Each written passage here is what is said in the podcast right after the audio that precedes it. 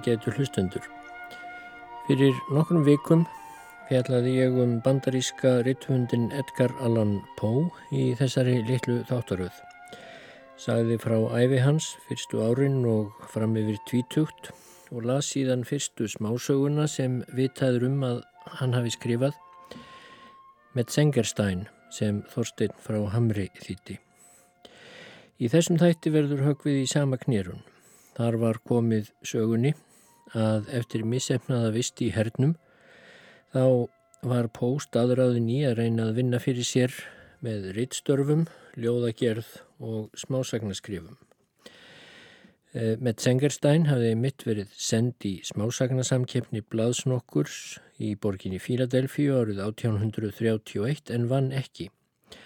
Hins vegar náði Pó að vekja nokkra aðtíkli þegar hann vann samskonar keppni sem blaðið Saturday Visitor í Baltimore helt árið 1833.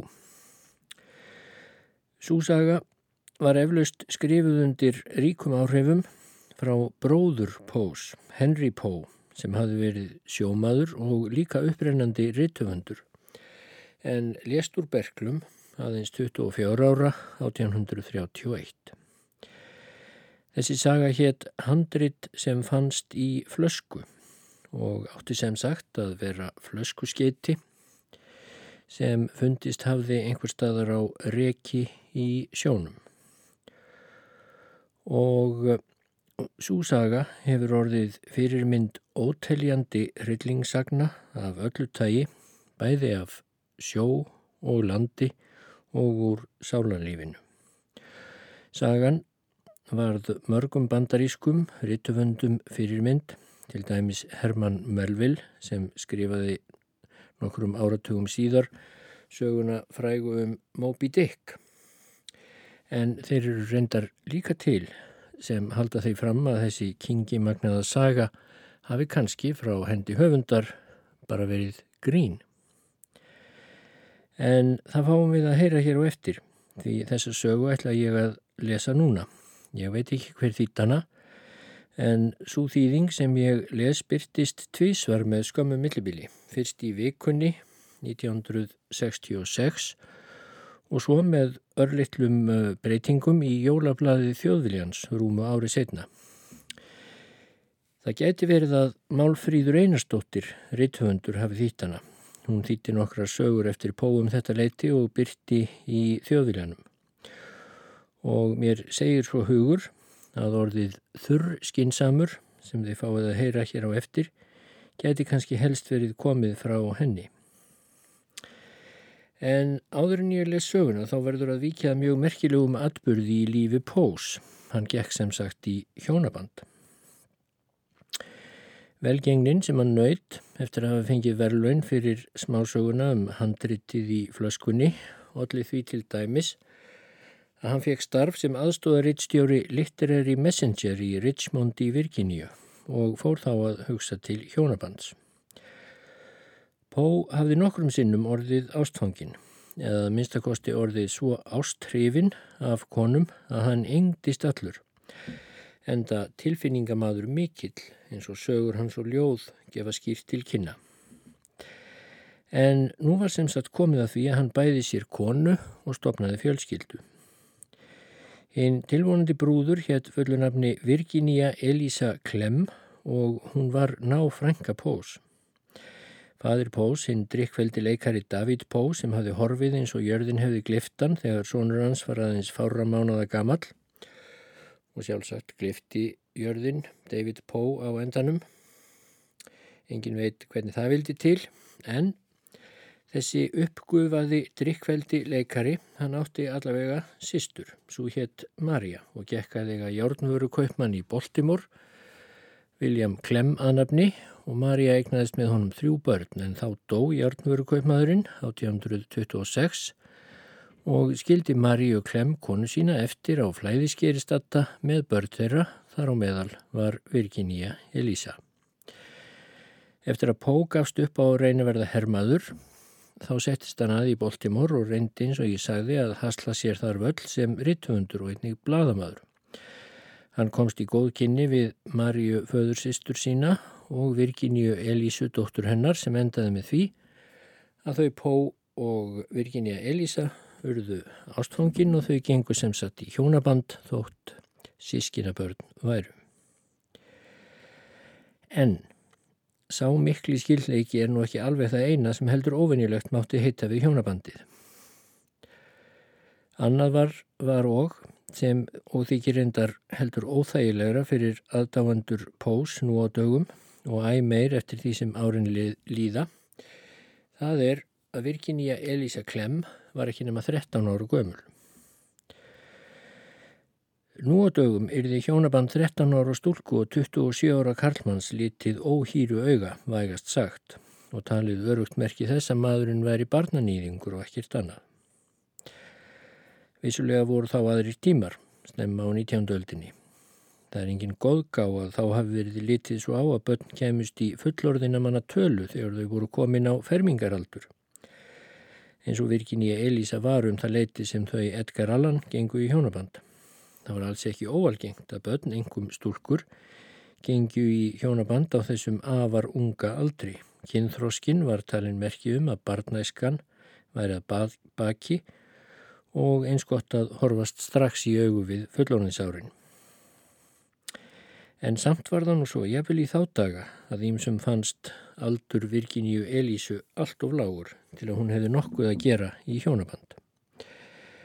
Þegar spurðist út að Pó, Pó væri að hugsa um að gangaði eiga stúlku svo unga þá kom til skjálana frendans, Nílsson Pó, sem svo vildi til að var kvæntur eldri hálsistur Virginíu Elísu. Og hann skrifaði Maríu Klem og böðist til þess að taka ungu stúlkuna inn á heimili sitt og sjá henni fyrir mentun með því fórorði að þar með gengjum náttúrulega ekki að eiga Edgar Allan Poe fyrir en þá eftir hæfilegan tíma, sagði í brefi Nílsson Poe. Edgar Allan Poe tók þetta mjög óstynd upp þegar hann frétti af þessu tilbóði og hataðist við Nílsson frænda sinn upp frá því.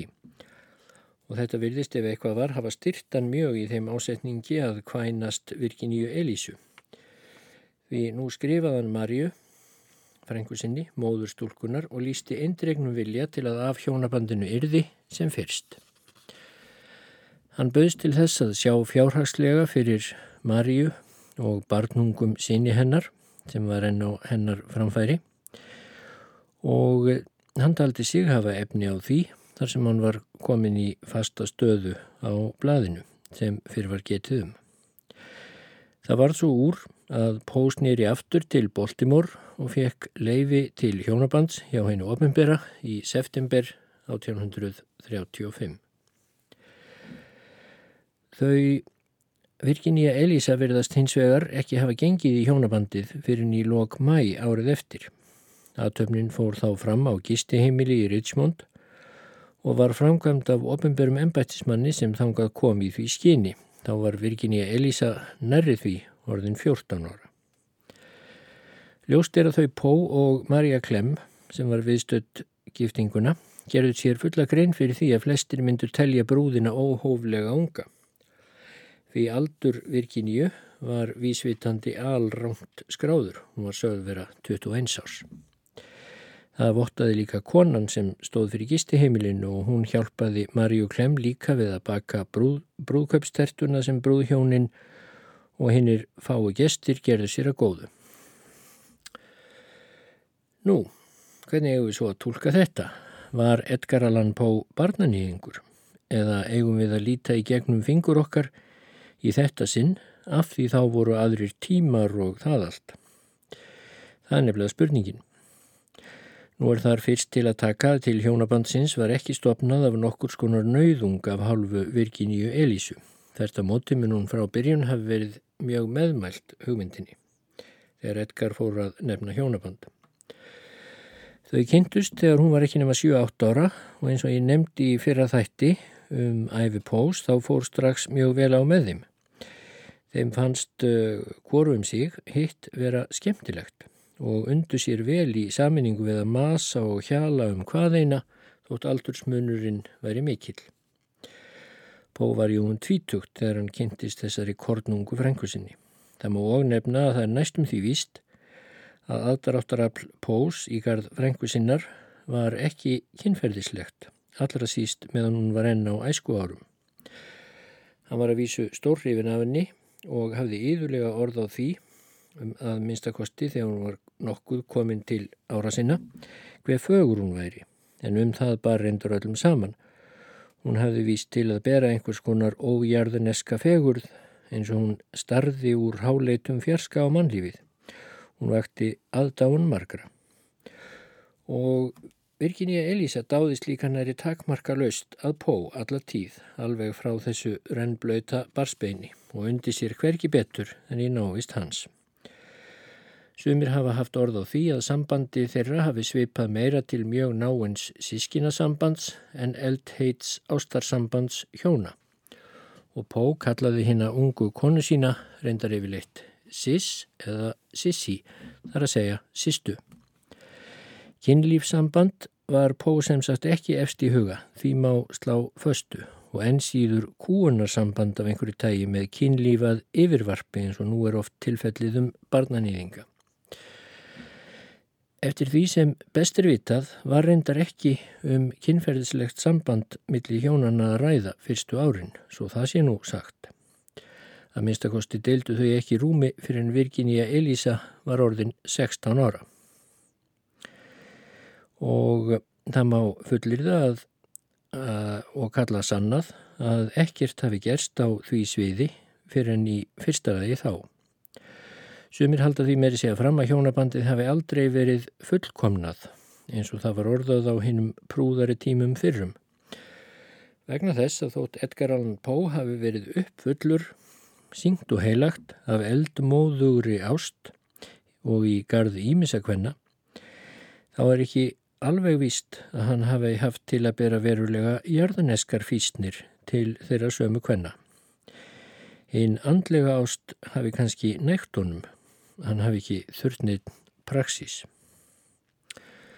Um þetta eru helstu pósérfræðingar reyndar ósamála en allavega verðist vera ljóst að það voru ekki kynferðis kúunar físnir sem fylgdan löngun til að kvænast hinni mjög svo ungu frængu sinni.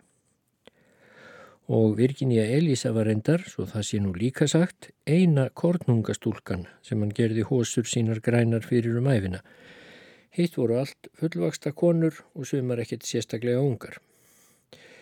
Þar með má líklega síkna Edgar Allan Poe af því að hafa verið barnanýðingur af einhverju tægi og það er vissulega léttir.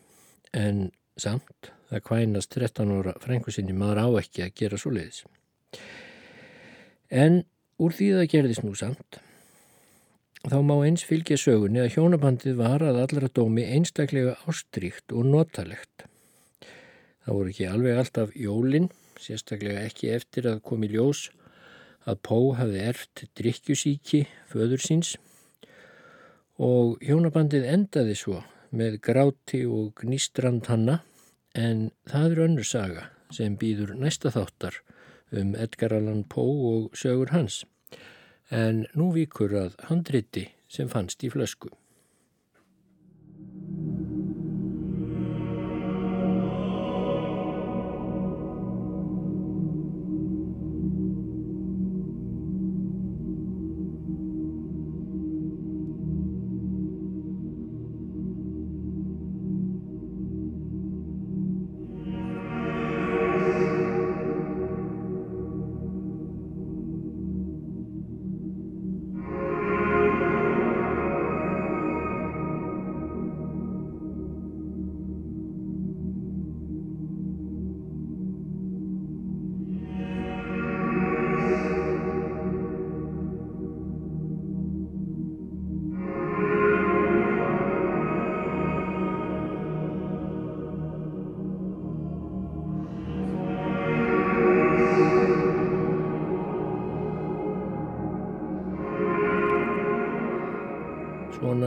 Sagan.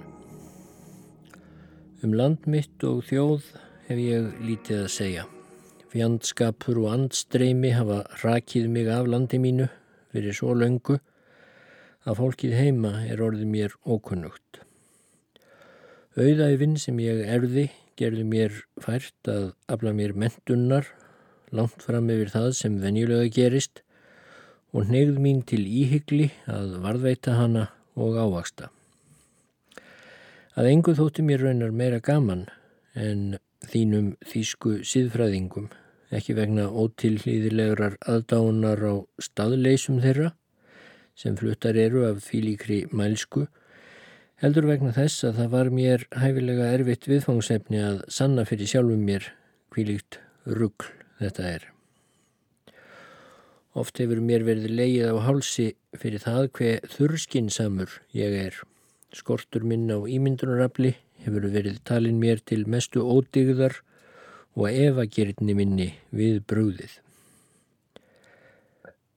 Raunar held ég að eðlisfræði þekking mín hafi leitt mig í nokkuð algenga villu. Að rekja öll fyrirbæri, líka þau sem síður skildi til lögmála eðlisfræðinar.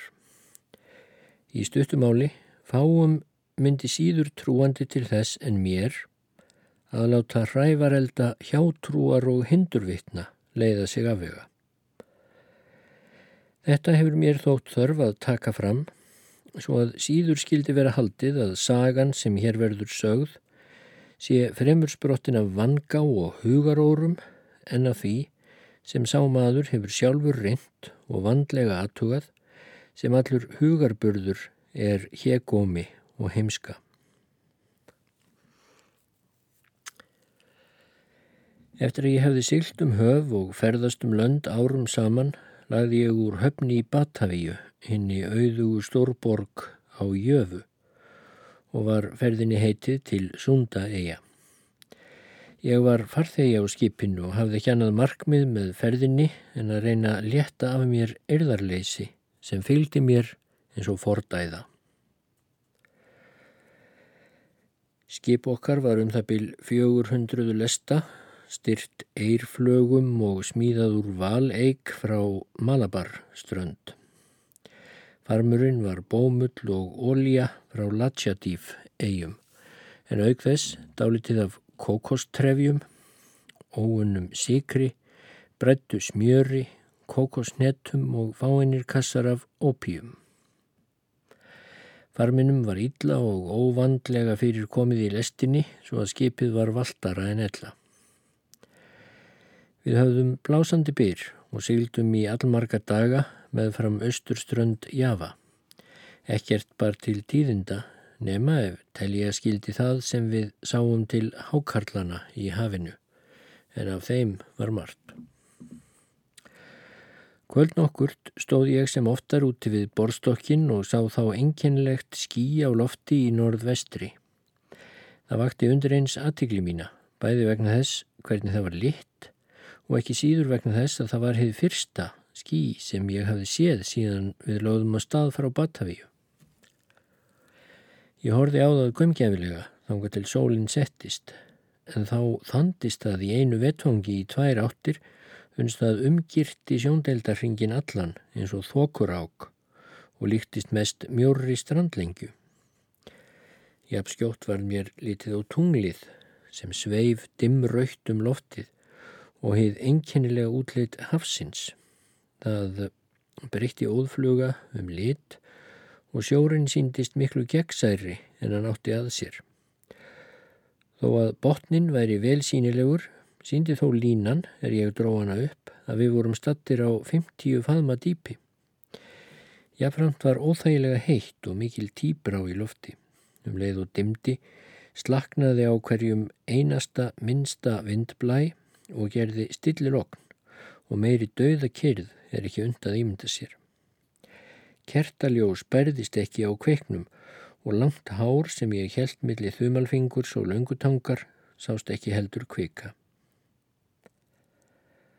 en skipstjórin saðist ekki sjá að neyn hætta væri á ferðum og vegna þess að okkur rakti að ströndinni með ströymi þá leta hann rifa seglinn og varpa akkeri.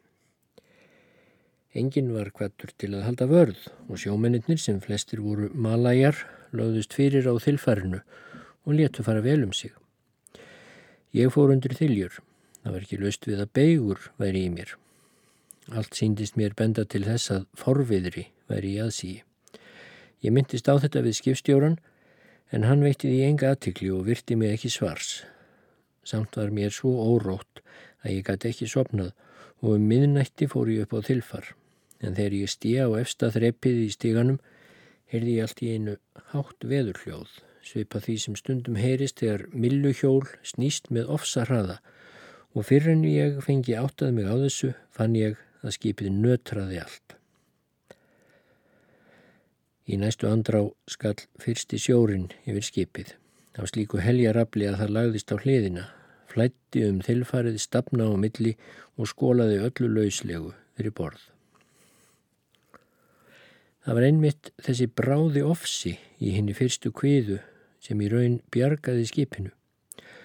Þó að mikið hefði flætt inn réttist að aftur, hægt og líkt og með erfiðis munum, með bæði siglutrébrotin, en þegar það var komið á réttan kjöl, þá rakti það undan veðri stjórnlaust og stefnulaust.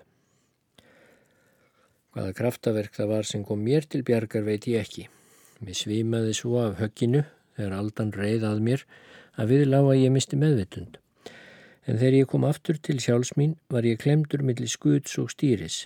Með miklum erfiðis munum tókst mér þó að koma fyrir mig fótunum og umhverfi skipið var þá allt í einu róti, svo stórkostlegu að furða var að sjá, en öldurnar rísu fjallháar og freyðandi. Stöttu setna heyrði ég rött gamals svíja sem hafi stíð á skipsfjöl í síðustu höfn. Ég kallaði til hans af öllum mætti og heyrði hann til mín og skreittist nær. Við komumst fljóta því að enginn hafi komist lífsaf nema við.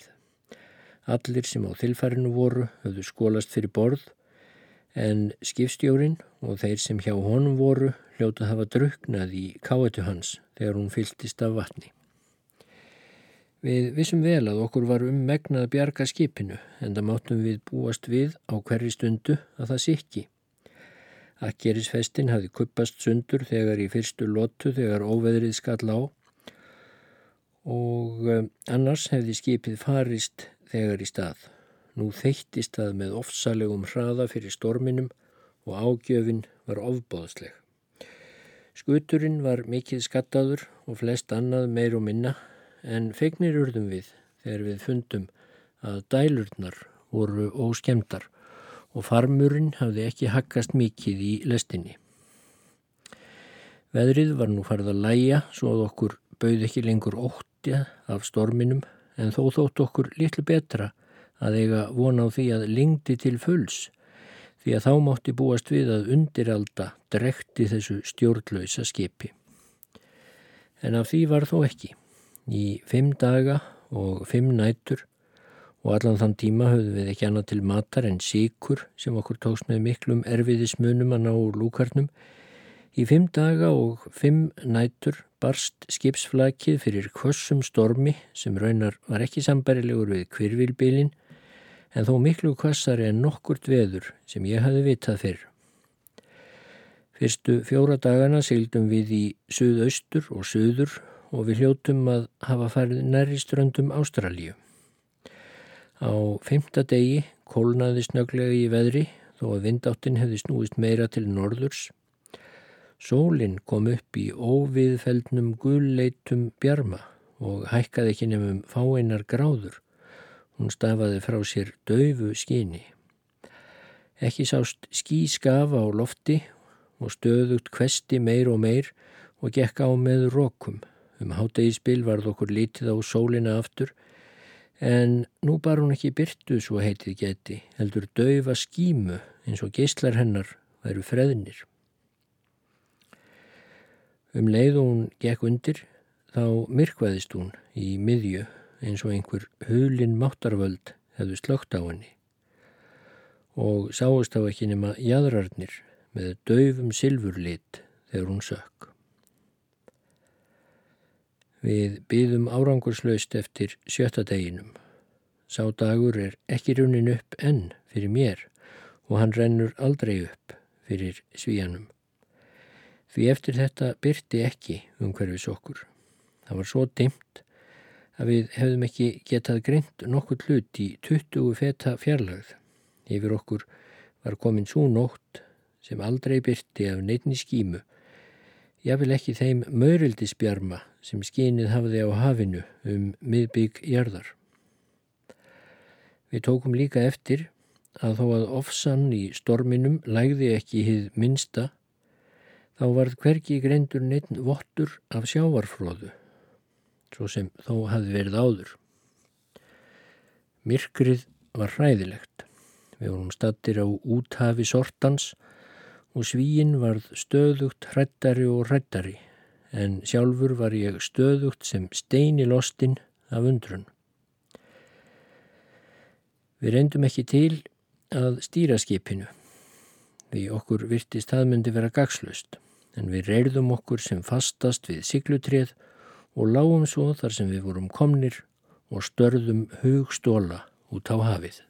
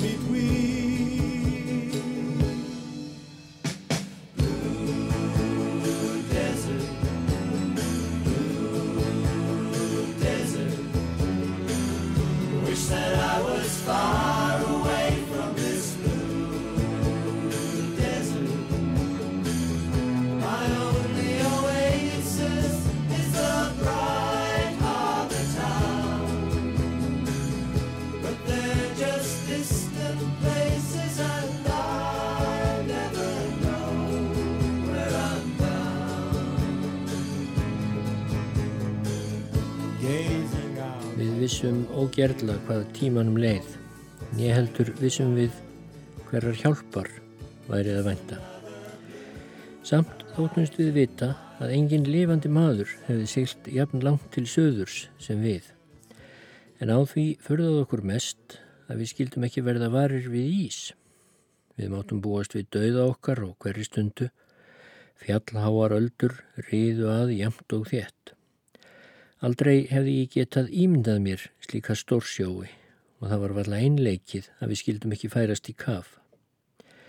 Félagi minn myndi mig á það hver léttur farmurinn væri og hver gott skipið en samt mér, þótti mér sem það myndi vera borin vona við næðum nokkun tíma landi og reyndi að búa mig undir dauðan sem mér þótti vera vísað litlum tíma liðnum því ofsi sjávarins varð háskalegri með hverri stundinni sem leið.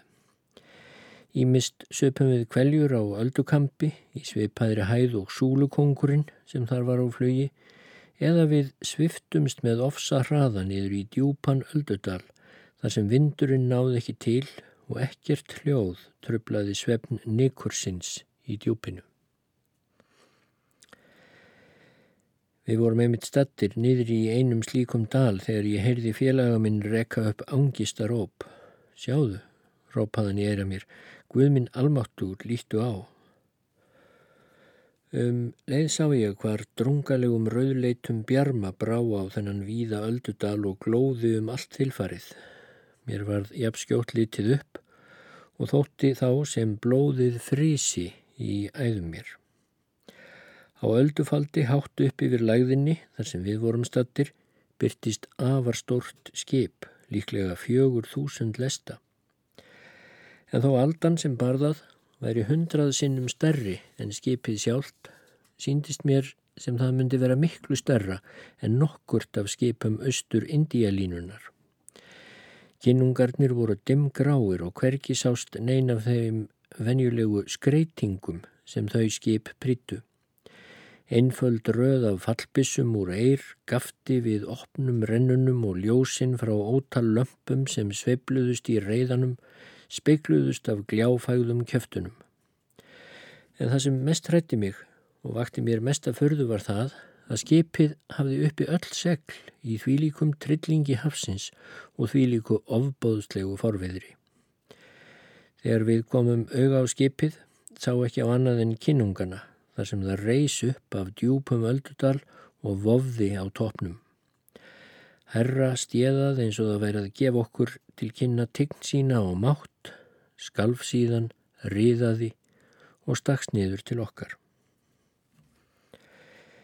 Ég skildi ekki hvað kom að mér en mér var undarlega rótt innan brjósts. Ég hörfaði eins langt og ég komst og beigð óttalauðs þess sem nú vildi verða.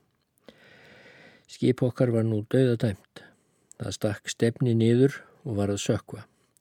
Ferlíkið hitti það að framanverðu undir sjó og afliðingin varð svo að ég þeittist af ómótstæðilegu afli yfir á þilfarþess.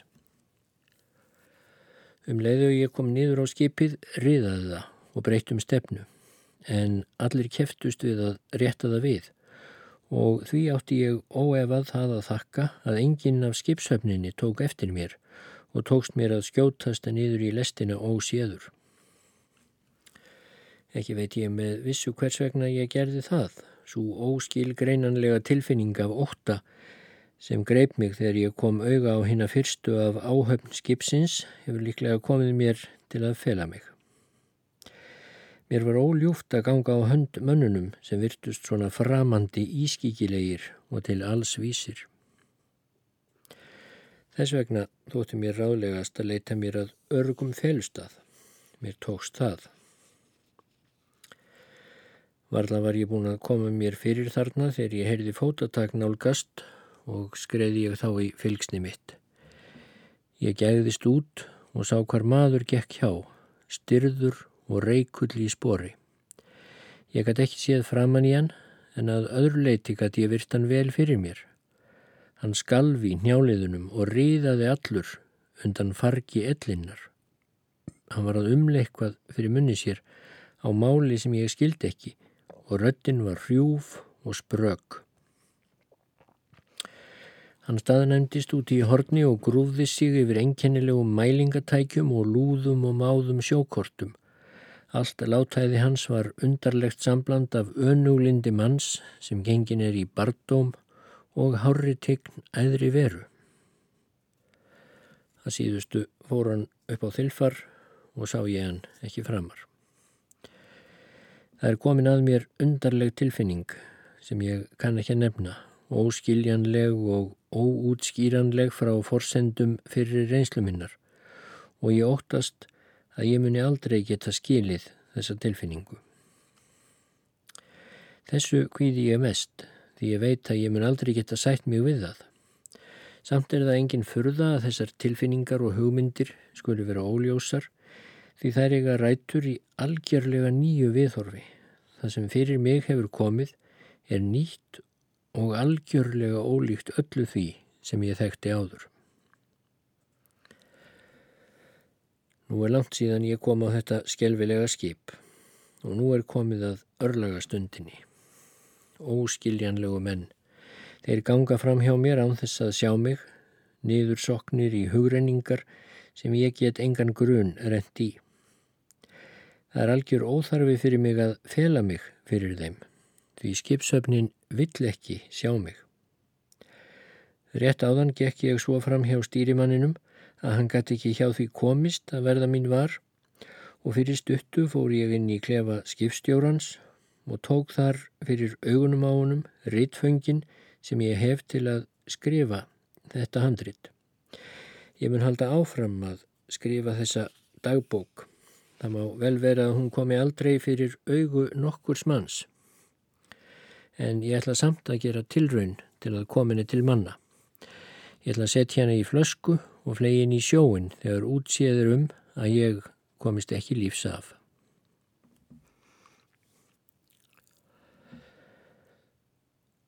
Nú kom nokkuð fyrir sem ég hef verið að hugsa um síðan. getur annað eins og þetta verið eintóm, eintómri tilviljun háð. Ég hefði farið upp á þilfar og sest þar á þess að nokkur virtist sjá mig eða heyra til mín og var ná hrúu af köðlum og ónýtum seglum í skipsvátnum. Meðan ég satt þar og var að hugsa um það hvað fyrir mér myndi liggja, þá fór ég að fykta við það hugsunarlaust að klína tjöru af bursta á segl sem láð þar kyrfilega saman brotið ofan á tunnu. Nú hefur þetta segl verið undið upp og á því stendur skrifað skýrum stöfum með minni rittendi orðið uppgötun. Og þó vissi ég alls ekki hvaða var sem ég var að pára. Ég hef verið aðtuga gerð skipsins. Þó að sé vopnað verðist það ekki vera herskip. Reyðin, byggingskipsins og búnaður benda til þess að upprunalega hafiði verið ætlað til annars. Það er endar auðvelt að segja hvað þetta skip er ekki, en hitt er þingri þrautin að vita hvert hlutverk þess er. Ég veit ekki hvernig á því stendur, en við það að skoða þessi enkinnilegu siglutrið, þessa íburðarmiklu byggingu og mikluðu og mosagrónu seglin, þetta sérkynlega stefni og ennkynlegri skutt, þá finnst mér stundum sem ég kannist við þetta. Hafi séða áður einhver tíma fyrir æfa lungu eða lesið um það í einhverju gamalli bók. Nú var ég að aðtuga viðin í skipinu, þennan við þekk ég ekki.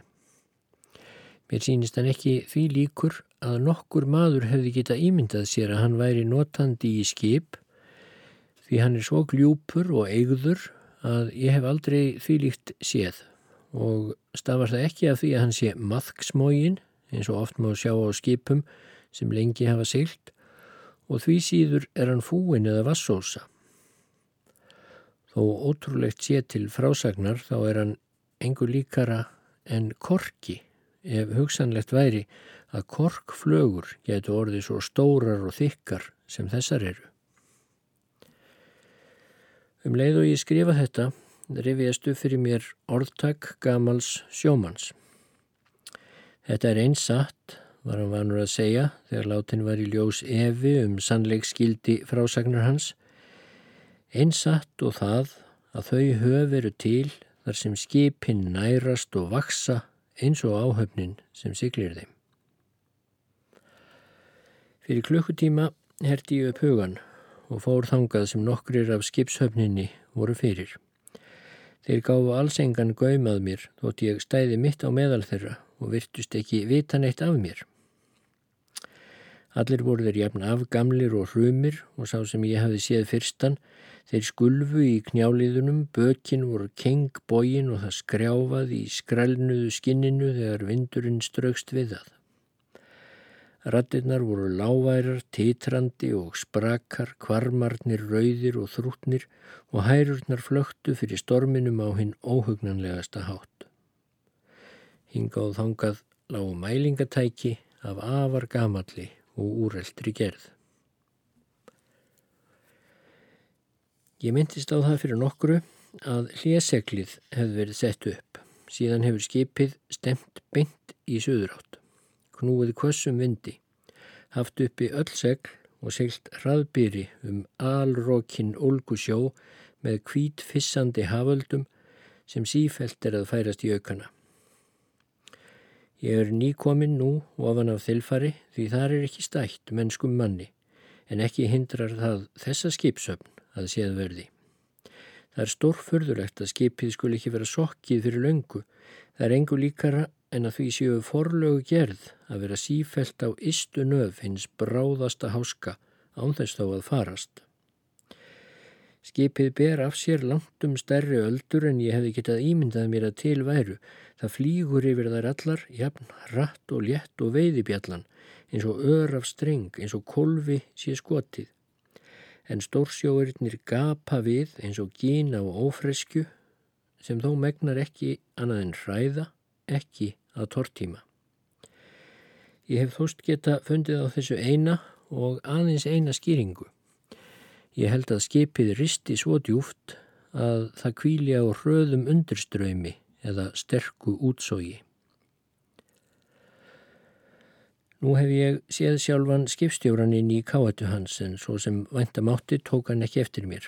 Þó að vöxtur hans og yfirbræð sé ekki neitt frábröðu því sem gerist með mennskum mönnum, það minnst að kosti vilist ekki svo við fyrstu sín, þá get ég ekki að því gert að skipstjórin vekur mér óttablandna lotningu. Hann er á hæð við mig, hinn vörpulegasti, gorki tiltakanlega þrekin, nýjað gagnstæða. En svipurinn á andlitinu er svo sérkennilegur, hann lýsir óendanlega langri lífsreynslu að það vekur mér einhverja óumræðilega tilfinningu. Þó að enni sé lítið sem ekki rukkótt, þá berða svip af, svip af óra langri æfi. Kvíta hárið ber því einnig vitni, en gráu augun verðast sjá fram í tíman. Gólfið í káetunni er alþakið fornlegum bókum með járnbentum speldum og mælingatækjum frá löngu liðnum tíma. Slittnum og máðum og úreltum sjókortum sem hverki sjást framar. Hann grúði höfuðið í greiparsér og horði með ákjefð og óróa á eitthvert skjál sem mér virtist vera umbóðsbref því svo var að sjá sem það veri helst undirittað af þjóðhöfðingja. Hann var að umla eitthvað fyrir munni sér eins og skipvergin sem ég sá fyrst og gæti ekki greint nema fáeinar setningar í gerðsamlega óþektu tungumáli og það var önuleiki í röttinni þó að ég stæði við hliðin á honum. Þá virtist hún koma langar leiðir að.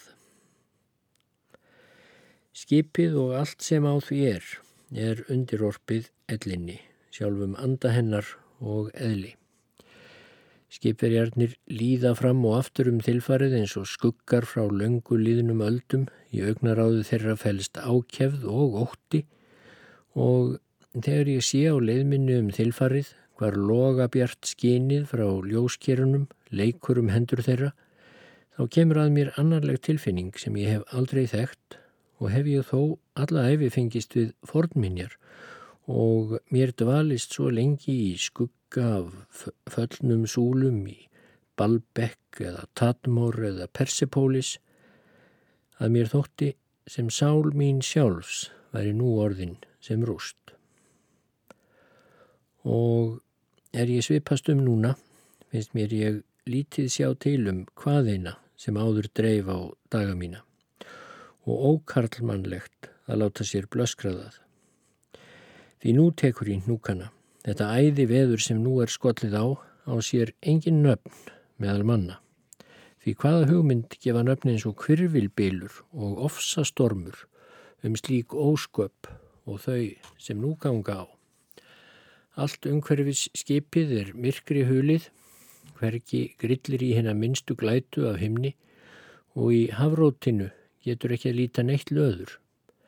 En svo sem í einnar sjómílu fjarlag til begja handa djarfar við og við fyrir þvernýftri Ísrönd, svo hárri að ekki eigir upp fyrir. Og er þetta líkast þeirri hugmynd sem menn gera sér um heimsenda. Svo sem mig grunaði er skipið rakið áfram af stríðum ströymi, ef það nafn mætti gefa slíkri röst sem brítur með beljandi ofsa og háu brimhljóði við kvítan ísvekkin, með fallhraða fossa og flúða í ströymhörðu stórfljóti. Ég gerir mér enga vonum að nokkur maður geti skilið kvílik ókn mér býður af þessum hamförum náttúrunar en samt er laungunin til að kynast þessum fyrrnum öllum óta yfirsterkari. Og þetta sættir mig einnig við dauðan í hver skjelvilegri mynd sem hann mun byrtast. Það er auðséð að við erum í þann vegin að gera stórkoslega uppgötun, leysa einhverja gátu sem enginn hefur áður ráðið og að það muni kosta okkur lífið. En ef til vill stefnir þessi ströymur á sjálft heimskautið, allar líkur benda til þess. Skipsöfnin reykar fram og aftur um þilfarið, óstyrkum skrefum, en af andlitsvip þeirra má fremur lesa ákjæfð tilhlökkunar og vonar heldur en deyfð örvæntingar. Sá sem vendir sér dauða eftir stuttastund, hann þarf einskís framar að diljast. Byrinn sem stendur í skutin flegir skipinu í loftköstum fyrir fullum seglum.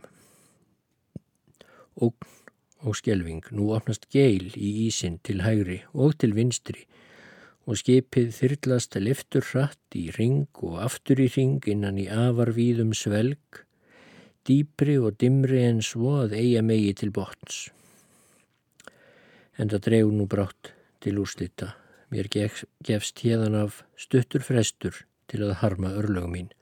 Umferðirnar verða stittri og stittri, hafrótið á botninum er að gleip okkur og í þessum ofsa og trillingi hafs og storms nötra skipið og nú, Guðminn góður, Guðminn, nú hverfur það í djúpið.